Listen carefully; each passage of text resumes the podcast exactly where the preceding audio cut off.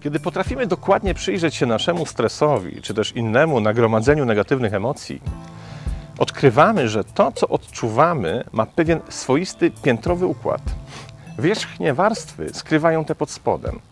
To, co na pierwszy rzut oka wydaje się przyczyną naszego emocjonalnego dyskomfortu, zdaje się skrywać jeszcze coś więcej. To trochę tak jak z obieraniem cebuli. Zdejmujemy jej kolejne warstwy, a im bardziej poruszamy się w głąb, tym obierana emocja staje się czystsza, jaśniejsza, bardziej widoczna, bo obrana z wszystkiego tego, co usiłuje ukryć jej prawdziwe źródło. Kiedy już poobieramy naszą emocjonalną cebulę, niezależnie od tego, ile przy tym uronimy łez, w końcu dokopiemy się do samego jej sedna. I tak się dziwnie składa, że w większości wypadków tym, co odkrywamy na samym dnie, jest jakiś rodzaj lęku, swego rodzaju obawa, pewien rodzaj strachu. Czegoś się boimy, coś napawa nas lękiem. Ta konstatacja jest niezwykle istotna, bo dopiero po jej dokonaniu odkrywa się przed nami możliwość poradzenia sobie z tą sytuacją. Ale zanim przejdziemy już do operacyjnego rozwiązania, musimy jeszcze przyjrzeć się bliżej pewnemu mechanizmowi, do zobrazowania którego użyję prostej metafory. Wyobraź sobie zatem kogoś, kto siedzi na krześle przed wejściem do ciemnego pokoju. Wszystko, co widzi przed sobą, to czarna czeluść drzwi prowadzących do środka. Ta ciemność przejmuje go strachem, paraliżuje na tyle, że obserwowany przez nas delikwent boi się tam wejść. Patrzy więc w ciemną czeluść i nie rusza się z miejsca. Teraz zastanówmy się przez chwilę, co musiałoby się stać, by ten ktoś pokonał swój strach i wszedł do pomieszczenia, przed którym siedzi. Otóż musielibyśmy w tym pokoju zapalić światło. Dzięki temu nasz obserwowany gość mógłby zobaczyć to, czego wcześniej nie widział. Zobaczyłby nie tylko, czy ktoś się w tym ciemnym dotąd pomieszczeniu znajduje, ale też cały układ tego pomieszczenia. Dostrzegłby stojące w nim sprzęty, meble oraz to, w jaki sposób można się po tym pokoju poruszać, by nie zrobić sobie krzywdy. Zapalenie światła więc powoduje, że delikwent dowiaduje się, co go w tym dotąd ciemnym pomieszczeniu czeka. Moglibyśmy więc powiedzieć, że akt zapalenia światła oznacza danie temu człowiekowi wiedzy, której wcześniej nie posiadał. Czyżby więc wiedza pokonywała strach? Czy to oznacza, że w większości wypadków boimy się tego, czego nie znamy? Napawa nas lękiem nie to, co nas spotyka, ale to, czego na ten temat nie wiemy. Sprawdźmy więc na przykładach, czy powyższe założenie jest słuszne. Weźmy prosty rodzaj lęku. Nie wiesz, co cię może spotkać na drodze realizacji konkretnego projektu, więc sama wizja jego realizacji napawa cię lękiem, e, w którego efekcie powstaje stres. Powiedzmy, że jesteś właścicielem uroczego ogródka i postanawiasz w tymże ogrodzie postawić równie uroczą altanę, w której będziesz się oddawał relaksowi. Wymyślasz więc, jak ma wyglądać Twoja altana marzeń. Zlecasz jakiemuś specjaliście rozrysowanie jej konstrukcyjnych planów, na podstawie których tworzysz kosztorys oraz harmonogram prac przewidujący wszystkie potrzebne do tego materiały oraz ilość potrzebnych pracowników. Nie dość tego, jesteś przecież pragmatyczny i przewidujący. Zatrudniasz więc kierownika budowy altany. Polecili ci go znajomi. Facet ma renomę na rynku budowy altan. Nazywa się, dajmy na to, Stefan Strach. Ruszają więc prace przy altanie, a ty z drinkiem w ręku leżysz na hamaku, oczekując właściwego efektu. I po chwili podchodzi do ciebie twój własnoręcznie zatrudniony inżynier strach i mówi: Mam poważne obawy, czy ten projekt się uda zrealizować w przewidzianym czasie. Jak wtedy zareagujesz? Jeśli Twoje umiejętności zarządzania emocjami są znikome, uciekasz w popłochu i kiedy nikt nie widzi, zalewasz się łzami rozpaczy. Jednak kiedy Twoja inteligencja emocjonalna jest na odpowiednio wysokim poziomie, bierzesz swego inżyniera o nazwisku Strach pod rękę, prowadzisz go do stołu z rozłożonymi planami, kosztorysami i harmonogramem i mówisz: przeliczmy i przemyślmy wszystko jeszcze raz. Bo samo to, że Twój osobisty strach zgłosił możliwość wystąpienia problemu, jest dla Ciebie przede wszystkim informacją o tym, że w zakładanym projekcie mogą istnieć luki, o których obecnie nie masz pojęcia. To dlatego twój inżynier strach melduje, że wystąpił problem. Odkrył bowiem pewne puste przestrzenie w twojej wiedzy. Zobaczył, że pewne elementy tej układanki są tak samo ciemne, jak czeluść prowadząca do pokoju z poprzedniego przykładu. I twój strach nie ustąpi, póki w tych fragmentach nie zostanie zapalone światło wiedzy.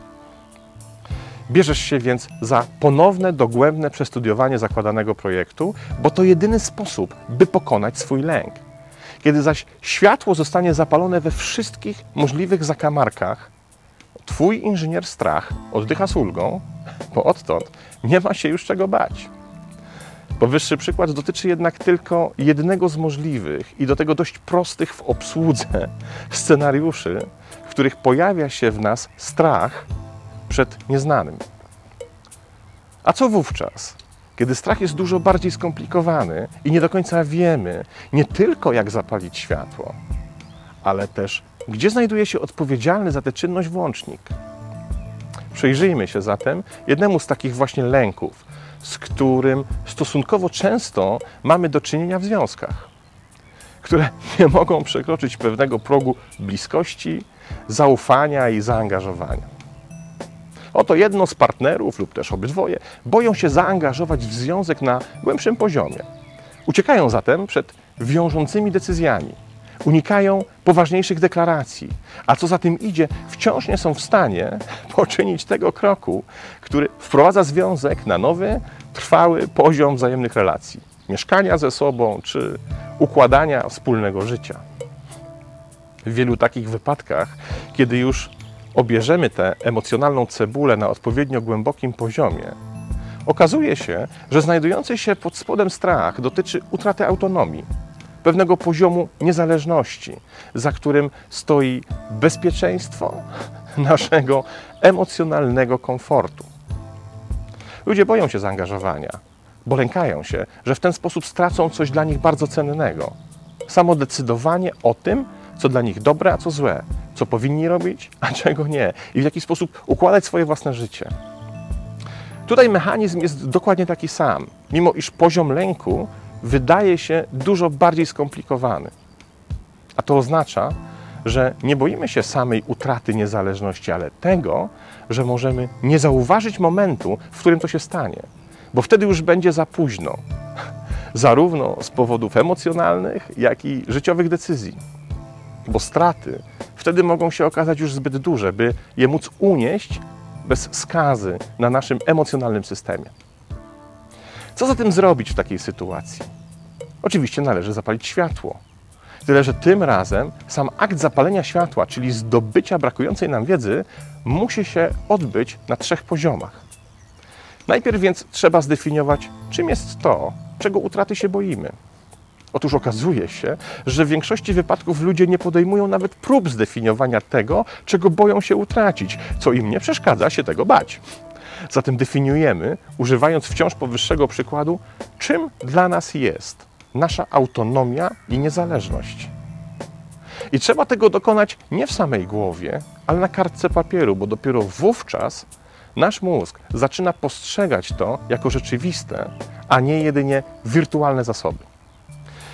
Do tego ze swojej praktyki z ludźmi wiem, że listy składające się z mniejszej ilości punktów niż 7 po prostu nie są odpowiednio skuteczne.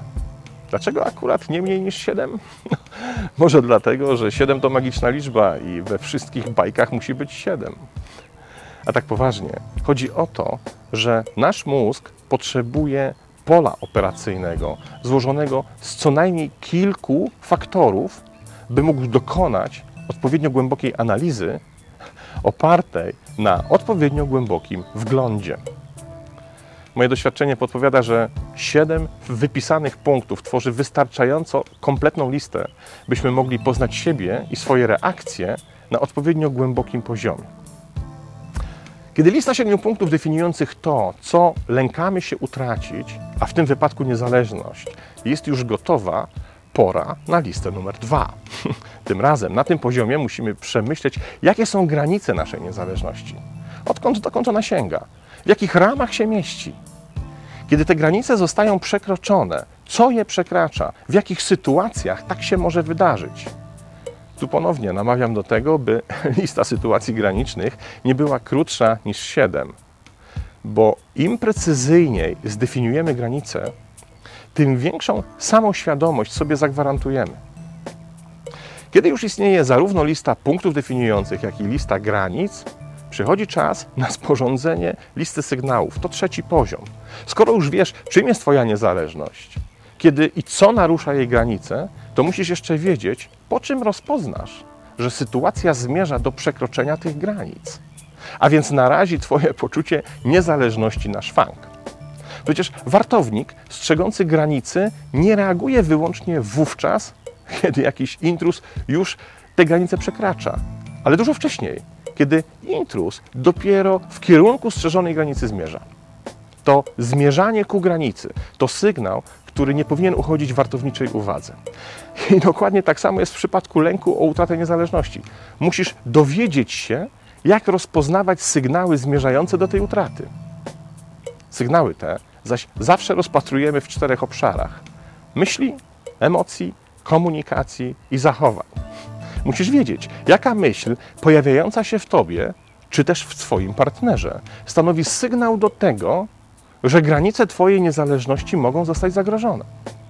Podobnie jest w przypadku pojawienia się konkretnych emocji, zachowań czy komunikacji, czyli treści oraz intencji i energii, za pomocą których się tak naprawdę porozumiewamy. Analiza tych trzech poziomów definicji, granic i sygnałów jest zupełnie wystarczająca do tego, by zdobyć odpowiednio dużą wiedzę na temat tego, czego tak naprawdę boimy się utracić. I wraz z tą wiedzą w ciemnym, strasznym pokoju zostaje zapalone światło. Skoro to wiemy, to odzyskujemy kontrolę nad samymi sobą. Znika strach, bo znika niewiedza, która za nim stała. Teraz stała się jasność i strach nie jest już potrzebny. Zwróć uwagę, jak działa ten mechanizm. Jest dokładnie taki sam przypadku prostych lęków i obaw, jak i w sytuacjach, w których strach wydaje się mieć dużo bardziej skomplikowane podłoże. Za każdym jednak razem odpowiednio zdobyta wiedza o nas samych pokonuje nasz własny strach. To najskuteczniejszy i najpotężniejszy wojownik. Skorzystanie z jego siły jest dziecinnie proste. Wystarczy włączyć światło. Pozdrawiam.